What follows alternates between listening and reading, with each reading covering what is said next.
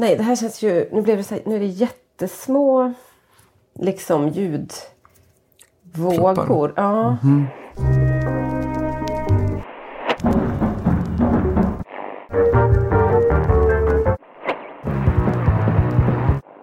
Hej och välkomna till Fotboll Radikal. Podden som går in på sitt 53 avsnitt. Och vad inne, vet du vad det innebär, Simon Bank? Eh, tårta, Globen. Alltså rent tekniskt i alla fall så innebär det Ah, att år vi... två. Ja. Just det, Precis. trevligt. Om vi utgår från att året har 52 veckor. Sen har ju inte vi spelat in varenda vecka. Vi har haft sommarlov och lite andra pauser också. Men jag kände att detta motiverar eh, att vi eh, ser oss i spegeln, rannsakar oss själva och kanske, om vi inte byter ut några moment så att vi kanske ändå ska fundera på om vi ska eh, tänka om lite grann. Alltså det är en tid för ny, nystart, det är väl det jag försöker säga. Så att därav inget eh, litterärt intro från min sida. Hur är läget? Eh, jo, det är jättebra. Det känns också bra att eh, då podden fyller år samtidigt som, eh, som jag. Jag fyllde år igår. Nej! Eh, Jag vet ju det att ni är. Och då fyllde Robert Laul dagen innan. I förrgår, I just förrgår. det. Fan okej, nu missade jag eller båda. förrgårs går till och med. Första, första, första februari till och med. Mm, du ser. Början på februari är ett getingbo. Ja, så är det. Så är det. Men eh, tack för, även för uteblivna grat- gratulationer är ju gratulationer. Nej vad dåligt. Och du skulle aldrig ens missa min mammas namnsdag. Det är ju det som är det riktigt tråkiga i den här kråksången. Just det. Mm. I alla fall, i alla fall. Eh, podden fyller år och vi går in i vår nya tid då, som du säger. Mm. Nya Eh, utan litterära intron. Ja, vi, kan, vi kan ju känna kanske nästa vecka att eh, vi saknar dem. Eller kanske lyssnarna inte känner igen sig och undrar vad vi har hållit på med. Eh, då får vi väl omvärdera detta. Men jag tänker ju till exempel att eh, profiler och kulturtips kan ju komma ganska löpande också i en podd. Profiler har vi, pratar vi ju egentligen om hela tiden. Och eh, kulturtips kan man ju också kasta in när man känner för det. Vi testar och så får vi se. Ja, vi testar. Är det inte lite så också att, att känslan man bär med sig att det här är ju vår den timma under veckan när vi verkligen pratar med varandra och ska vi då behöva förstöra en massa fasta moment? Det känns fel. Jag tycker att vi, Mm. vi uppgraderar eh, vår, vår samtalstid helt enkelt. Det, det. det. är det, det vi gör. Det är just vad vi gör. Precis så. Det är fint att höra från dig. Du är kvar i Eh, Catalonia eller? Eh, precis, eller tillbaks kan man säga. Jag var ju i Madrid på derby i helgen. El derby madrileño. Ehm, det var fint. Santiago Bernabéu i solsken. Det är inte så ofta. De brukar ju inte få sådana tidiga avsparkstider. Men klockan 16 drog vi igång. Eh, inte, det är inte så jättemycket att säga om den där matchen. Det känns som att uh, Atletico Madrid har blivit lite sitt gamla jag igen. Sådär att de förlorar tajta matcher. Eh, mot Real får man väl, det, det må väl vara hänt. Men Real Madrid är också lite så, de har ju blivit lite grisiga liksom. Det är inte så, det är inte så vackert och det är inte så mycket, det är, två fina moment per match liksom. Men det räcker ju på något sätt. Så att, eh, eh det, är ganska, det är ju imponerande med Real Madrid och Zinedine Zidane får ju verkligen också med sig, verkar det som, publiken och supporterna på detta. Alltså hade man spelat så här fult då, vad ska jag säga, inom citationstecken tidigare så hade man ju då är det typ nu som han hade fått reda på att du får sparken i slutet av säsongen. Men så är det inte längre. Så, Nej, men alltså. Ja. Lite speciellt ändå Madrid-derby med, med ett, ett Real Madrid som inte längre har några super, sexiga superstjärnor som det känns och Nej. ett Atleti som inte riktigt har eh, ångan uppe. Alltså det är, det är klart att det anmärkningsvärda med Atleti är väl att de har orkat så himla länge som de har gjort. Inte Ja. att de till slut får lite soppartorsk men det, är- det är där man känner att man befinner sig nu. Exakt. Och det är väl för att knyta an lite till förra veckans avsnitt när vi pratade just om det här med hur länge orkar man liksom eh, ha- ja, vara Barcelona och jaga varje bolltapp och, och allt det där. Och det, den frågan kanske låter sig ställas ännu mer för Atletico Madrid för den spelstilen är ju extremt uttröttande. Så att, nej, visst, luften har nog gått ur dem lite grann. Det, det är också svårt att, Jag tycker inte såklart inte att de ska göra sig av med Simeone om inte han vill vidare. Men det är, jag har ändå lite svårt att se att han ska kunna liksom komma tillbaks på samma nivå som innan. För att eh, det känns som att, som du säger, de har inte riktigt, de pallar inte det riktigt längre. Av förklarliga skäl. Nej, nej det, är- det är oförklarligt. Alltså jag höll ju honom. Det är, jag, vet, jag tror jag berättade om det förut att när jag valde då världens bästa tränare under fjolårssäsongen och jag lyfte fram El Cholo Simeone och eh, Pochettino. Eh, och båda har sedan fått soppa torsk då Mm. under tiden som gått. För att Det är just den här känslan att de har gjort så oerhört mycket med så, så begränsade resurser på något Mm. sätt ändå. Och fortsätta och fortsätta och fortsätta göra det. Och det, det är väldigt, De är två av mina fem tränare som är bra tränare. Jag anser att det bara Ungefär finns så. fem. Ungefär. Det är Ja. de två. Ja, Guardiola och så ett par till. Liksom. Zidane kanske, möjligen. Ja. Ja, ja, nej men du har helt rätt. Nej men det är alltid trevligt att, att eh, dra till Madrid. Men nu sitter jag faktiskt, gör ett litet pitstop i Barcelona på vägen tillbaka till Paris då. För att, eh, eh, spelar in denna podd i skinande solsken och liksom en temperatur som om man inte hade varit orolig för vad det innebär hade bara varit njutbar. Nu känner man lite att så här varmt ska det väl inte vara i början på februari ändå. Så 20 grader och sånt. Men, äh, gå ut och var glad din jävel. Tyckte du inte att det var, det var inte ett trovärdigt gnäll kanske? Nej, faktiskt sida? inte. Nej. Vad har du gjort då sen, sen sist? Eh, ja, vad har jag gjort? Alltså, jag har väl varit på ja, idrottshistoria, det är väl det jag yrkesmässigt har gjort. Mm. På, på basket, det slog mig då att det var första gången jag såg en basketmatch eh, live sedan jag såg eh, Kobe Bryant bland annat, då leda USA till, till OS-guld 2008. Men och ändå, du ska, ska få berätta mer om den fantastiska Mm. texten, men ändå så noterar jag att du kastar ur dig ett sånt han var bäst på plan bisats. Då kände jag så här, vad fan Simon? Var, det, ja, men det, det, var, det var, jag tror att det var uppenbart, det var lite den känslan man hade i alla fall. Som var fan, jag har ju mina år inom, i, i basket, basketvärlden bakom mig. Jag är ju från, från basketland nere i, i Sjuhärad. Så att, Jo, jo. Någonting sitter väl. Och sen dessutom är jag ju man så att jag, jag kan ju saker. Kan Eh, höfta. oavsett, man kan inte. Jag kan höfta. Eh, nej, det, det historiska med matchen, eh, jag tror att de flesta har väl kanske läst om det, är att då Sverige har fått sin första transsexuella elitidrottare. Noel Felén Hammarström, eh, transman som då debuterade i basketettan för, för Södertälje. Det var coolt, det var stort och det var kändes som att alla som var där kände på ungefär samma sätt. Att det var, det var någonting som man, som man såg helt enkelt. Historia. Jättespännande. Det var historia, precis så. Ja, nej, men det var... Så det är väl mest det jag har gjort. Sen har jag sett, sett en, en del fotboll såklart, men det har varit på, på tv. Eh, Och inte jättekul, det var en rätt så trist eh, fotbollshelg. Alltså om man då tänker bort att Tottenham faktiskt vann mot Manchester City och sådär. Så den, den kom och gick den här helgen i övrigt kändes det som. Ja, just det. Ja, det är väl inte någon... Men det kanske handlar lite om den här perioden på året. Men det här är ju inte den tiden då några klubbar är som starkast egentligen. Man ser ju det att det är lite slitigt här och, här och var på något sätt. Mm, sega februari, absolut. Ja, ja. Eh, På väg in i sista sväng, lite den känslan man väl. Just det. Och säkert många som ska så här formtoppa lite grann eller i, i, när Champions League drar igång igen. Att då, kanske då man tänker att nu, nu jäklar gäller det. Ja, ja givetvis.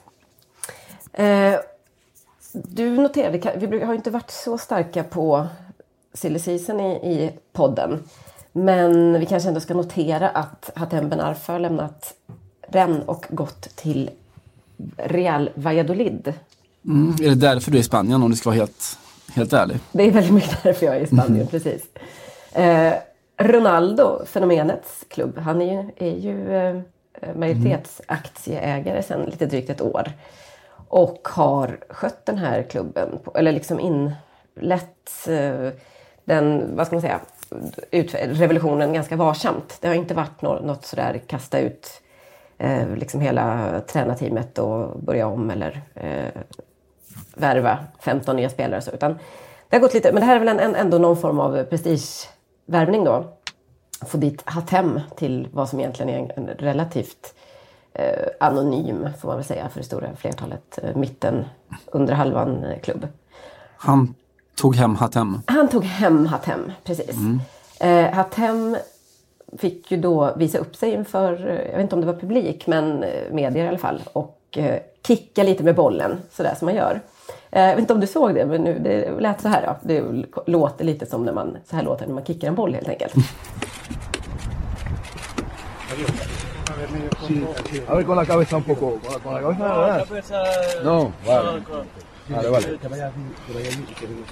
Så hör du där att en av journalisterna säger La cabeza, tar dem på huvudet. Och eh, Hatem fattar ju vad han menar och gör lite tecken som är så här, ja, nej, nej. Och Frisyren. Ja, han kunde fan inte. Okej att han har skrivit på för en ny klubb. Men han tänkte inte paja frillan för det. Frillboll finns det ju en hashtag på Twitter som är eh, med jämna mellanrum i alla fall ganska så aktiv. Eh, Det, här var, det är inget speciellt med hans frisyr men jag tyckte att det var, sa väldigt mycket om alla inblandade. Mest kanske Hatem själv. Eh, veckans lustifikation. Det är inte ett stående inslag, vill jag bara säga. Du säger. Nej, jag tycker jättemycket om det. Och det, alltså det är nästan sådär så att, eh, att verkligheten slår dikten och så vidare. Jag vet att det lanserades i höstas någon gång eh, i vår favoritsatirtidning Cahiers du Football i Frankrike att, eh, att Hatems nästa steg skulle bli att starta Hatem Globetrotters. Just det.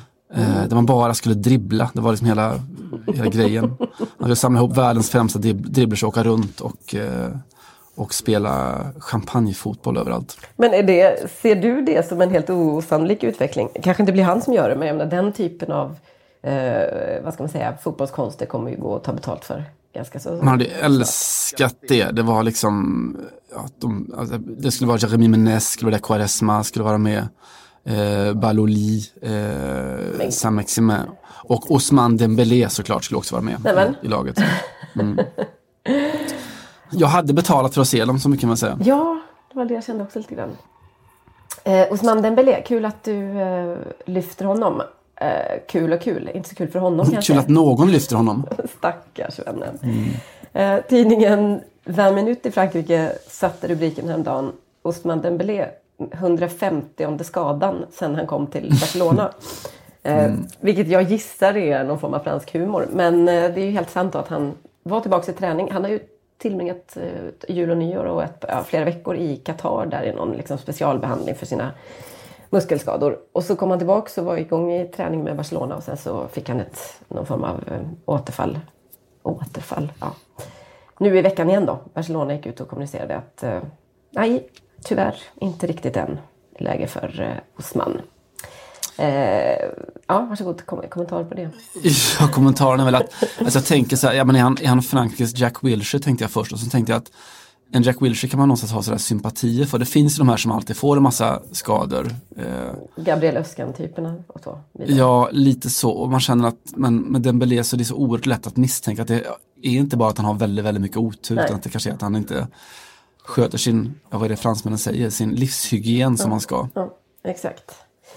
Eh, exakt så. Det här är ju det återkommande liksom, jobbiga momentet för Dembélé. Och det är svårt, det är jobbigt om det nu inte är så. Säg att han har varit i, på en liksom, rehabkur och bara ätit gräs i Qatar och så händer det här i alla fall. För nu, precis, det är, nu tror ju alla, eller nu tänker ju alla så här, ja men det är för att han äter för mycket snabbmat och, och så vidare.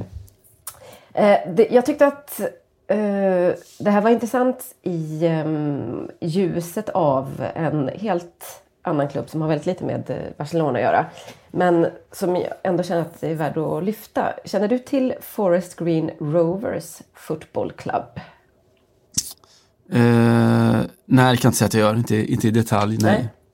Det kommer du snart göra. Det, jag tror att eh, Osman Dembélé hade passat in där ganska bra. Han kanske fått ordning på sina um, åkommor. Detta är nämligen världens antagligen första helveganska fotbollsklubb. Eh, tyvärr har man bara vunnit en match av de senaste sju i League 2 då, den som blir alltså den engelska fjärde divisionen där man håller hus. Men... Det mest sensationella med det här är att, att Flat Earth FC alltså inte är en vegansk klubb. Det är det du säger? Alltså, jag, jag, jag, jag hade betalat mycket pengar för att se de här två mötas. Jag tror att det hade kunnat vara en, en episk match i liksom ordets eh, ursprungliga bemärkelse. Alltså en match att, så att säga skriva eh, li- lite skönlitteratur om på något sätt. Eller ja, stor litteratur i alla fall. Epik och så vidare. Eh, Forest Green Rovers är, eh, de ligger i mitten ungefär i League 2 och eh, det har gått några år sedan de behövde lite, lite cash för att överleva helt enkelt och kontaktade en liksom lokal, ja vad ska man säga, näringslivstyp hade vi väl kallat dem kanske i alla, alla andra sammanhang. Näringslivstyp. I vilka sammanhang kallar man någon för näringslivstyp? I alla sammanhang när någon ska gå in med pengar, tänker jag i en Ja, fotbollsklubb. Liksom. Eh, oklart hur. Vi, det blev i alla fall så att eh, Dale Vince gick eh, med på att gå in med pengar i eh, den här klubben då. Eh, Forest Green. Och eh, på vissa villkor då. Man kan säga att de här, det här är ett eh, gäng som håller till i eh, någonstans på gränsen mellan England och Wales ungefär. I, um, Nailsworth, Gloucestershire heter i alla fall um, området om ni känner till. Hur som helst, Dale Vince sa att jag uh, kan väl hjälpa till här men uh, då ställer jag lite, lite krav. Dale Vince är känd i England i den mån han är känd då, som en miljardärshippie. Och bästa sortens hippies. Bästa sorten. Han har gjort sina pengar på grön el helt enkelt. Eh, men inte bara det. Han sa då att då ska den här klubben bli eh, koldioxidneutral, vegansk och eh, var liksom sprida ett budskap. Sagt och gjort. Det tog kort, ganska kort tid innan då First Green Rovers började servera vegansk mat till spelarna först och främst. De får äta vad de vill när de är hemma då tydligen. Mm -hmm. faktum är att vissa lokaltidningar har gjort då scoop när man har hittat någon sitta och äta en, en, en blodig biff på eh, måndag kväll i, inte vet jag, på någon av, i någon av stadens tre restauranger och så. Men på, det som serveras eh, på liksom klubbens, eh, i klubbens eh, regi är hel vegansk mat. Och man har också bytt ut maten på arenan då, så den, det enda som säljs på, till publiken är också 100% vegansk mat. Mm. Eh, vilket eh, togs emot med viss eh, skepsis då, men har blivit lite av en, en liten succé lokalt sådär. Eh, det här är fakt vi har faktiskt att göra med då världens första FN-certifierade koldioxidneutrala idrottsförening kan man säga. Och det är du inte negativt inställd till, Johanna Frändén? Alltså, jag kan säga att jag har jag inte efterlyst den här klubben eh, ganska många gånger har vi inte liksom rört, berört det här ämnet. Och ingen jävel har berättat för mig om Forest Green Rovers. Eh, ja, det är ett underbetyg till alla som, som lyssnar. Eller till oss för att ingen lyssnar. Exakt så. Eh, så att, eh, och då ligger det till så att de håller, för övrigt så håller de på när de fått klartecken, klartecken att bygga en ny um, arena i, som ska vara i trä helt och hållet. Alltså det här är ett sånt enormt eh, hipsterprojekt givetvis. Liksom. Mm. Eh, 100% då grön el och eh, varav ganska mycket ska komma från liksom, så solceller på taket av arenan. Dessutom då så använder man ingen konstgödsel och inget, inga liksom, eh, kemiskt eh, gödsel eller så vidare för att hålla igång sin gräsmatta. Dessutom så är eh, själva gräsklipparen och den är också så självgående genom någon solcell Fattar inte hur mycket sol Kul. de har där i mellersta England. Man brukar känna inte så mycket men eh, antingen är det ett eh, undantag eller så är det bara att de har satsat så hårt så att det, de har satt upp så jävla mycket celler så att det räcker ändå på något sätt. Regnvatten samlas upp, vill jag bara berätta, och eh, återanvänds eh, som, eh, i, bevattningssyfte då. Och eh, hör på det här, alltså oljan som används för att laga, mat, laga då vegansk mat i eh, köket på den här arenan används sen som någon form av så biomassa eller biobränsle. Så man kan köra bil på det därifrån sen. Plus att givetvis finns då en, en mm. stor mängd laddstolpar på eh, parkeringen så att man ska kunna på något sätt eh, ta elbilen dit. Då. Alltså man ser fram emot deras sån här Europa-äventyr, alltså när de får så här Krasnodar borta i Champions League eller så. Kulturkrocken där. Fantastiskt. Ja, oh, herregud. Dale Vince ser ut precis som man kan tänka sig också. Han är typ så här, närmare 60 men du vet helt rakat på ena sidan huvudet och så kanske någon form av, något som en gång varit en tuppkam som hänger ner lite grann. Eh, jag tycker att det är, jag ska inte säga att jag älskar den här klubben för att den verkar ju extremt självgod redan nu. Men jag är mm. väldigt positivt inställd till att den finns och existerar. Eh, och djupt besviken på att eh, det skulle ta så här lång tid innan det, detta kom till vår kännedom. Men ja, ja. Alltså ljuvligt. Jag tänker också att de kunde ta in tips, du pratade om, om deras eh, gödslade planer och allt sånt där. Att de skulle kunna konsultera på någon slags eh, frilansbasis eh, Juri Jorkaefs brorsa. Eh, Mischa Jorkaeff. Uh -huh. Jo, grejen med honom är att han, han är engagerad i eh, La Ciutat, eh, någon sån här amatörklubb en bit söder om eh, Marseille tror jag, alltså mm någonstans i Provence i alla fall. Mm eh, har nu fått rubriker eh, på sistone för att han, då klubben, är, lär vara den enda i världen som på sin konstgräsplan, alltså den är gjord av olivkärnor. Alltså inte den här små, små granulaten, miljöfientliga och eh, eventuellt hälsovådliga, utan de använder olivkärnor istället som har Mm. smulats sönder. Skulle inte det kunna vara någonting för, för Green Forest? Verkligen.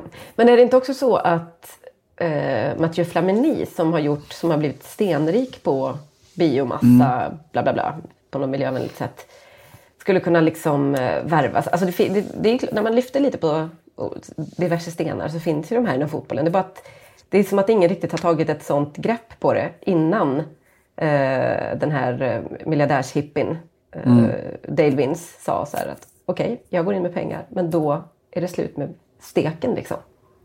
Gud, Dale Vince, alltså det låter som att han i alla fall var typ basist i Mötley Crüe eller något sånt där. Men han ser väldigt mycket ut som att han var basist i kanske Offspring. Förstår Ah, du? okej. Ja, som att det inte har gått så bra eh, sen eh, 2002. Eh, Mm. Musikaliskt då i alla fall. Eller att han kanske haft lite svårt att, så att säga, återupptäcka sig själv. Eh, Mm. Men att han ändå snart kommer kunna ge sig ut på en relativt efterlängtad och lukrativ eh, sån här comeback-turné. För att min generation börjar bli så gamla så att vi tycker att det vore roligt att se dem igen.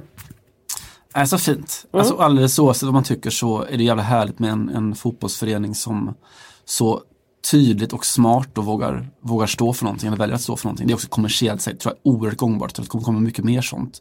Klubbar som omfamnar ett, ett budskap och alltså det är klart att det finns eh, stora ekonomiska vinster att göra med det. Ja men absolut. Framförallt så kommer man ju få alltså, ett sånt hipsterfölje på, om inte IRL så i alla fall kanske framför tvn eller sociala medier eller vad du vill. Det är ju väldigt, eh, jag menar, lite som eh, det här med att varför håller fotbollsspelare så dåliga tal när de går in så jävla hårt för att tjäna pengar på sponsorer och sånt. Det är precis samma sak här. Varför är det så få klubbar som står för något, alltså som, inte, som väljer ett budskap och bara nu kör vi på det här för att skilja ut sig från de andra. För det är ju, där finns det ju hur mycket som helst att, att vinna. Liksom. Ehm, och det här är också lite mer gångbart kanske än att tro på att jorden är platt. Eller det här kommer ändå ses som lite mer eh, legitimt tror jag i omvärldens eh, ögon. Bättre än typ fascism eller något. Eh, bättre och sämre. Jag är väl inte en sån som håller på att, så att säga, rankar ideologier. men, men, mer, men kanske mer... Eh, ja, kanske lättare skapa goodwill kring. Helt enkelt. Mm. Och jag äter inte mina vänner Du förresten, apropå goodwill och apropå klubbar som vågar stå för någonting. Du var ute och, och, och vevade här i, i helgen mot all världens eh, kvinnor som spelar fotboll. Ja, Så varför, varför hatar du kvinnor? Det är mest den frågan jag vill ställa.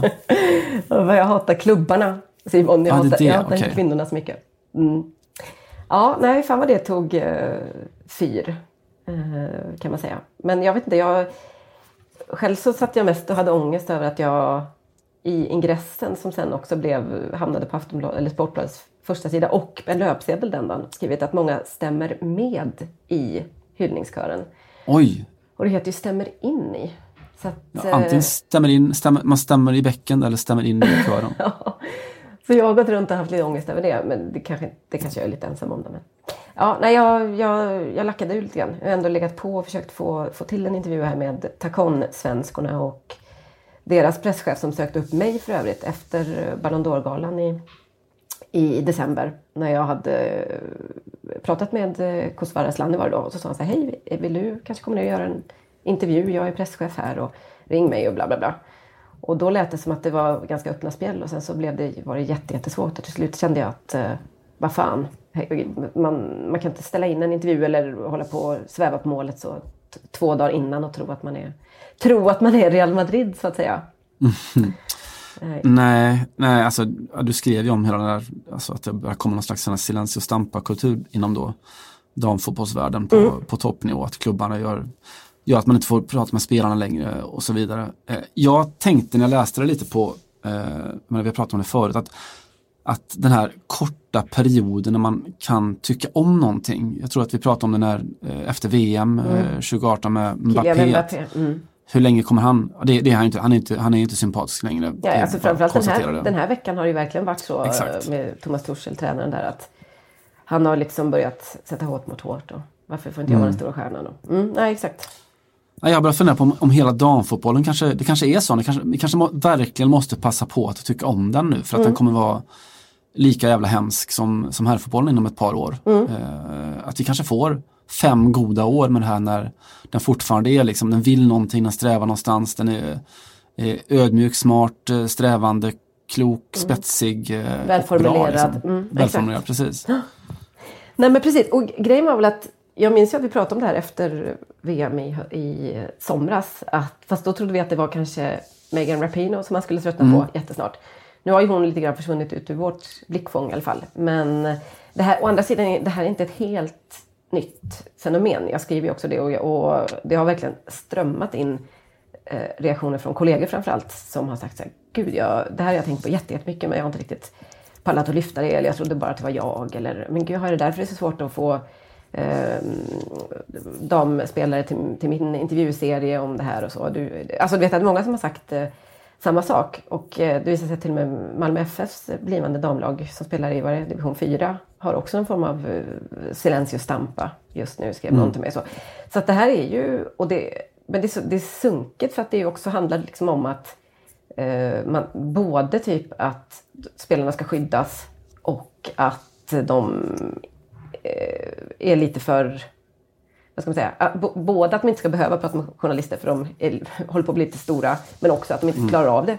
Och det är, så, det är sånt feltänk, för att damfotbollsspelare är så, ofta så otroligt mycket bättre på att hantera media. Liksom. Alltså de är smartare, de är mer välformulerade, de, har bättre, de är bättre utbildade, de är mer intressanta, de parerar ofta mycket bättre. Eh, alltså traditionellt sett, för att de inte har varit så himla skyddade eller inte varit så... Det har inte varit så stort. De är människor ja. Ja, de är människor, precis. Nej, men det är väl en sån här klassisk eh, som, som dyker upp i de flesta, alltså även på herrfotbollssidan så där så kan jag tycka i Ofta i, i Sverige så ser man någon, någon klubb som inte riktigt är van vid eh, väldigt, väldigt mycket uppmärksamhet. Då brukar det alltid dyka upp någon, någon person som helt plötsligt står på, på någon läktare i, i kostym och klubbhalsduk. Som inte haft den här rollen tidigare men som kommer in och så ska, ska bestämma väldigt mycket. Eh, som inte riktigt bottnar i rollen. Nej. Eh, och det är väl lite det man känner att de, de försöker vara väldigt, väldigt stora med utan att förstå vare sig var damfotbollen kommer ifrån och vart den är, borde vara på väg någonstans. Ja, men precis. Sen tror inte jag att det här måste nödvändigtvis vara en utveckling som bara kan gå åt ett håll. Jag tror faktiskt att det kan svänga lite grann. Alltså fram och tillbaks eller vad man ska säga. För att det, alltså själva grund eller anledningen, eller vad ska man säga. En av, ett av skälen till att jag skrev det här var ju just att vår kollega Phil, Phil O'Connor hade konstaterat då att Norges landslag är så briljanta på att hantera media, damlandslaget. Eh, och kanske liksom öppnare än vad de har varit någonsin.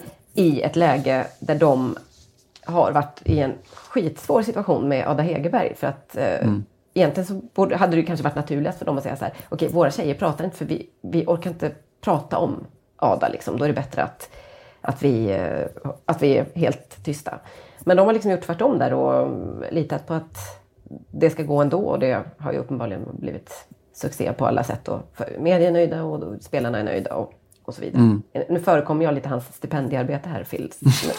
Men jag med honom. Fan vad skönt, han kan bara åka med nu. Men detta var vad han sa när vi hördes om det hela i alla fall. Eh, och det är klart att det kan svänga tillbaks eller vad du vill åt andra hållet också.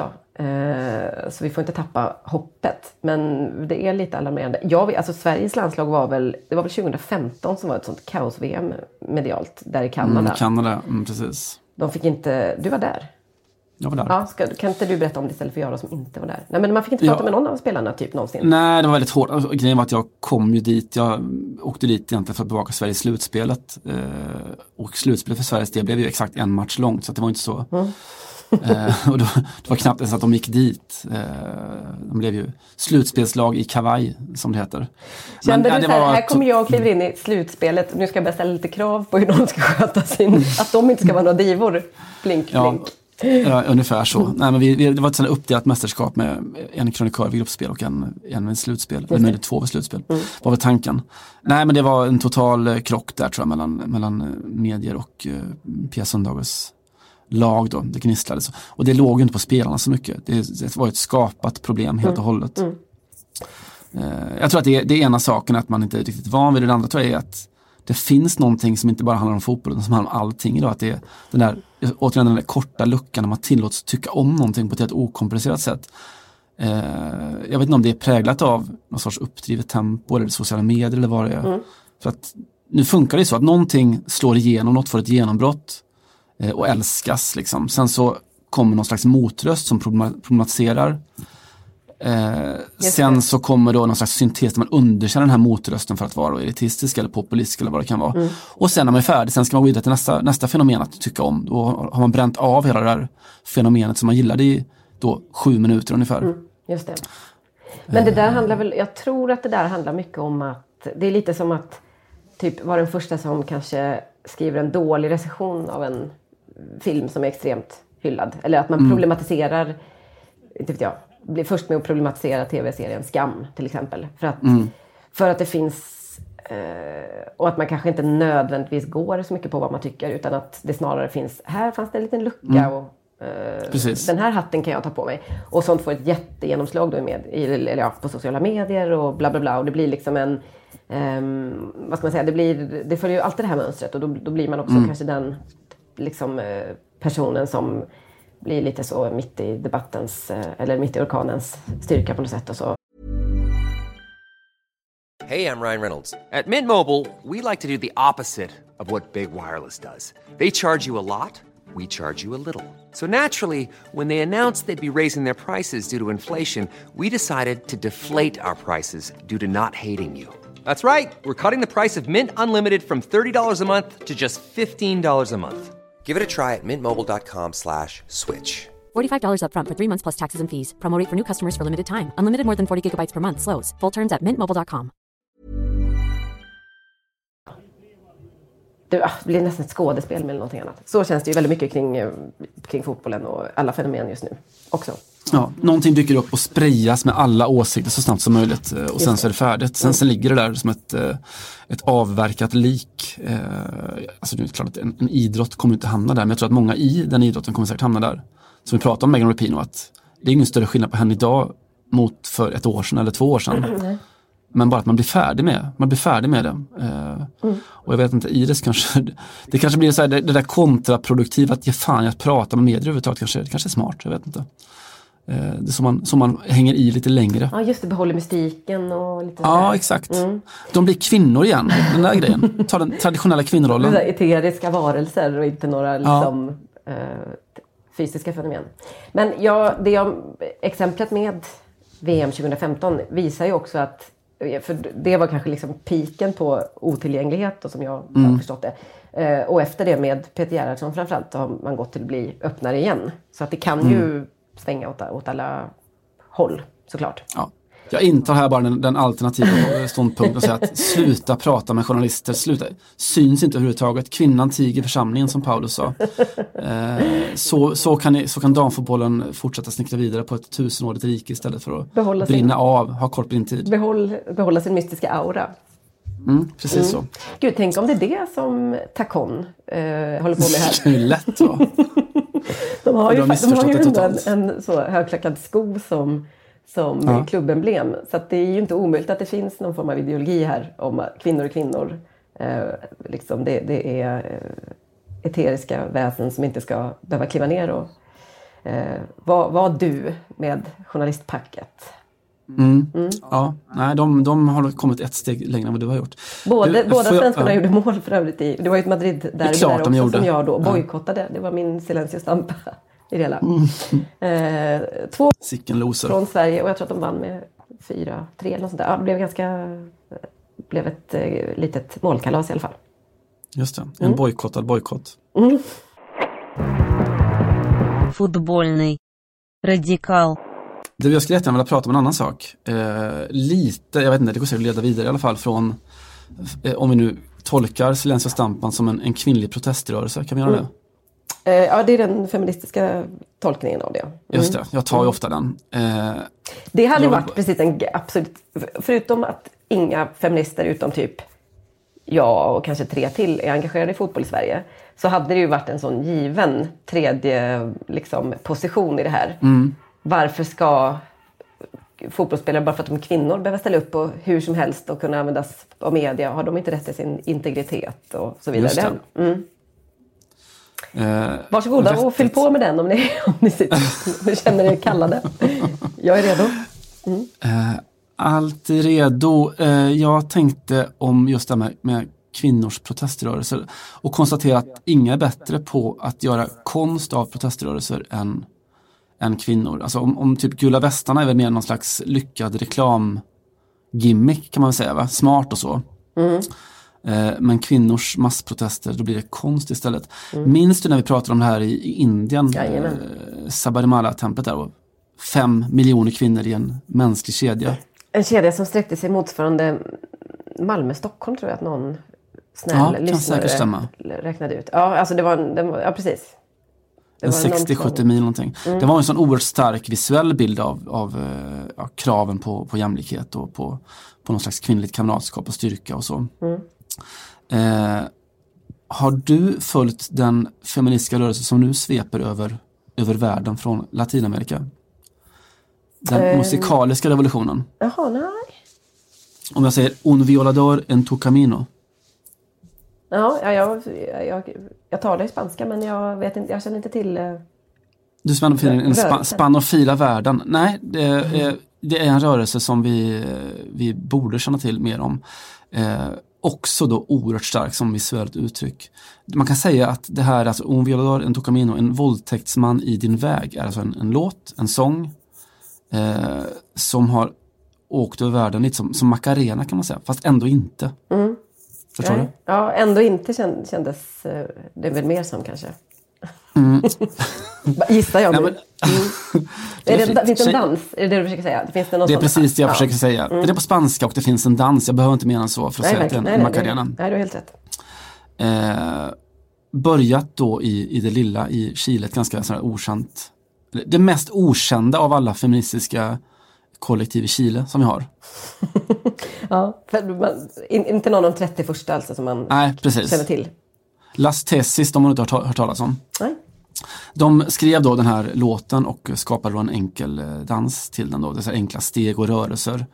Eh, de som sjunger då står ofta med sina ögonbindlar på, masker över ögonen. Men det är liksom inte själva grejen, utan grejen är det som uppstår då när miljoner kvinnor över hela världen tar sig ut på offentliga platser då och genomför det här, mässar det här, den här sången. Eh, vi lyssnar lite på hur det låter. Y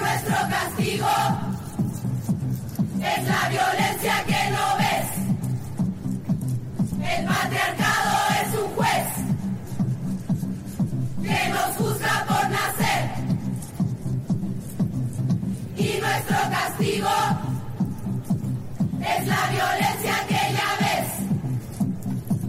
Es femicidio. Impunidad para mi asesino. Es la desaparición. Es la violación. Y la culpa no era mía ni donde estaba.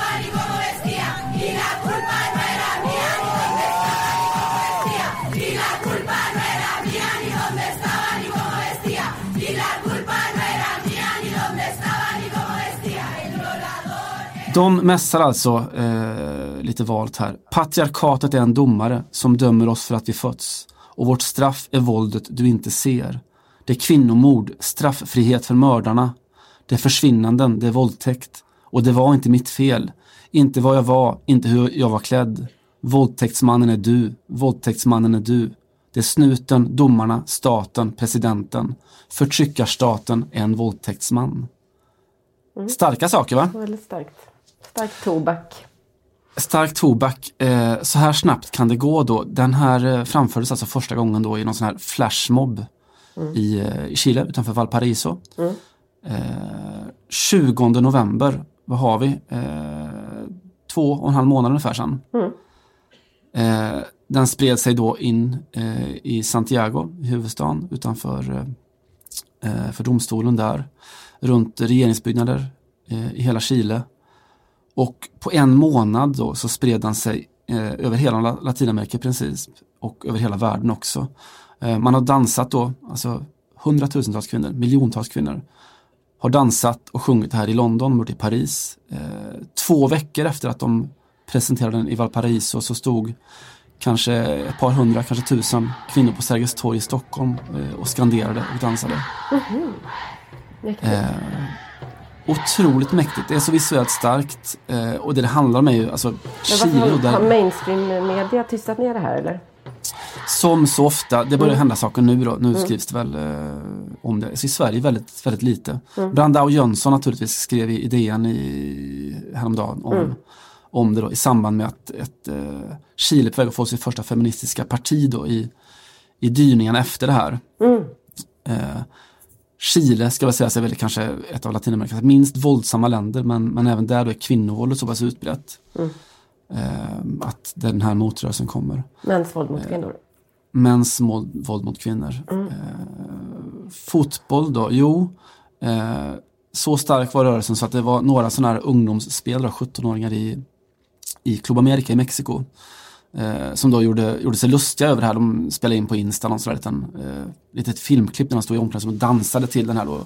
Eh, ja, drev med, med hela den här rörelsen. Mhm. Pojkar. Och pojkar och fick ett sjuhelvetes drev mot sig då. Mm. Eh, och fick sparken från, från klubben. Mhm. Uthängd över hela, hela Mexiko i princip. Mm.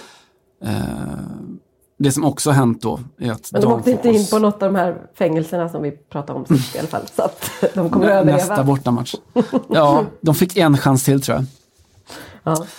Eh, det har också spridits på sociala medier att eh, flera sådana damfotbollsspelare då från de stora klubbarna i Argentina och, och Mexiko som har spelat in videor då som de, där de själva då dansar och, och sjunger det här då. Mm, men som stöd. Eh, precis så. Mm. Precis så. Alltså kvinnorna själva då. Och det alltihopa, det är någon slags såklart bevis på hur snabbt eh, eller hur liten världen är och hur stark den är för, eller hur mottaglig den är för sådana här starka Ja, vad ska man säga, starka uttryck, starka liksom eh, Ja, och massrörelser. Hittar du rätt, ja, hittar Mm. du rätt i mass, massrörelse så går det väldigt snabbt. Eh, också då i, om vi ska koppla det till fotbollen så är det någon slags bevis på eh, något som vi också pratade om förut om hur, hur damfotbollen då i Sydamerika är en sån oerhört explicit feministisk kraft också. Mm. Mm. Det är en katapult alltid för de här eh, frågorna ju. Det är verkligen helt eh, otroligt. Vi har ju pratat om det tidigare. Eh, att, de, att de har varit i Argentina till exempel. Många fotbollsspelare har varit involverade i, eh, abort, Mm. anti-abort, eller inte, ja, pro-abortrörelsen och så vidare. Och nästan alltid när det kommer till eh, våld mot kvinnor så, så finns det någon fotbollskoppling. Det, är- det är fascinerande. Det är verkligen fascinerande. Eh, Gå gärna in på Twitterkontot eh, Podcast Radikal och titta på hur det ser ut när hela jävla eh, kvinnovärlden går ut på gator och torg och eh, sjunger och dansar. Den som inte dansar är en våldtäktsman. Okej, malplacé men jag skrattade. Det, det, det är det enda som betyder något för mig, Anna. Ja, shit. Fan vad starkt. Planen var egentligen inte att vi skulle starta ett nytt år och göra en jättekort eh, podd. Men vi är typ färdigpratade Simon och ibland så kan man ju... Kort är bra som vi brukar säga inom Ja, men jävla jobbigt att vi så gick in med att men nu ska vi äntligen få prata bara fritt och sen så, nej, vi, vi hade inte mer än så här. Nu sitter vi där som det förälskade paret på någon slags, nu har vi fått en vecka utan barn och sitter man så, nej, det var inte mer än så här. Framförallt om vi inte har de här dagliga rutinerna så vet vi inte vad vi ska göra riktigt med varandra. Hade du läst någon bok sen sist? Nej, inte det. Nej, nej, nej. nej, nej.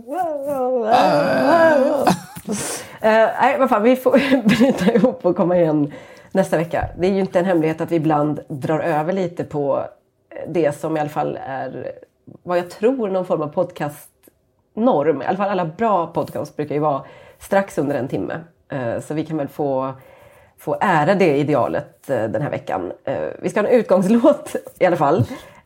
Den här låten skickade jag ju till dig och lite sa den här skulle vi kunna spela någon gång men det är kanske lite bättre om du um, liksom påar den än att jag gör det. Nu får ni hela bakgrunds... Nu är vi helt transparenta här så att, varsågod Simon och berätta vad som blir veckans utgångslåt. Det kan väl inte bli något annat än något som handlar om Your Busy Body, Joanna. Afrobeat kommer här. Hej då! Go! Hej! Your busy body busy tonight. Mad, mad, mad. Joanna, making all the dummy tonight. Joanna, your busy body giving me life, oh, hey life, hey. Why you do me like Joanna? Jo, Jo, Joanna. How you do me like Joanna? Jo, Jo, Joanna.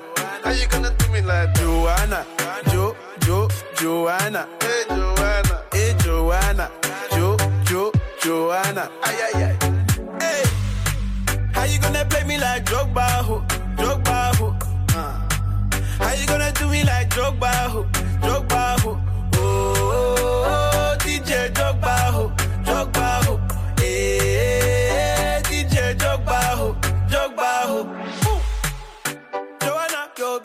body busy tonight.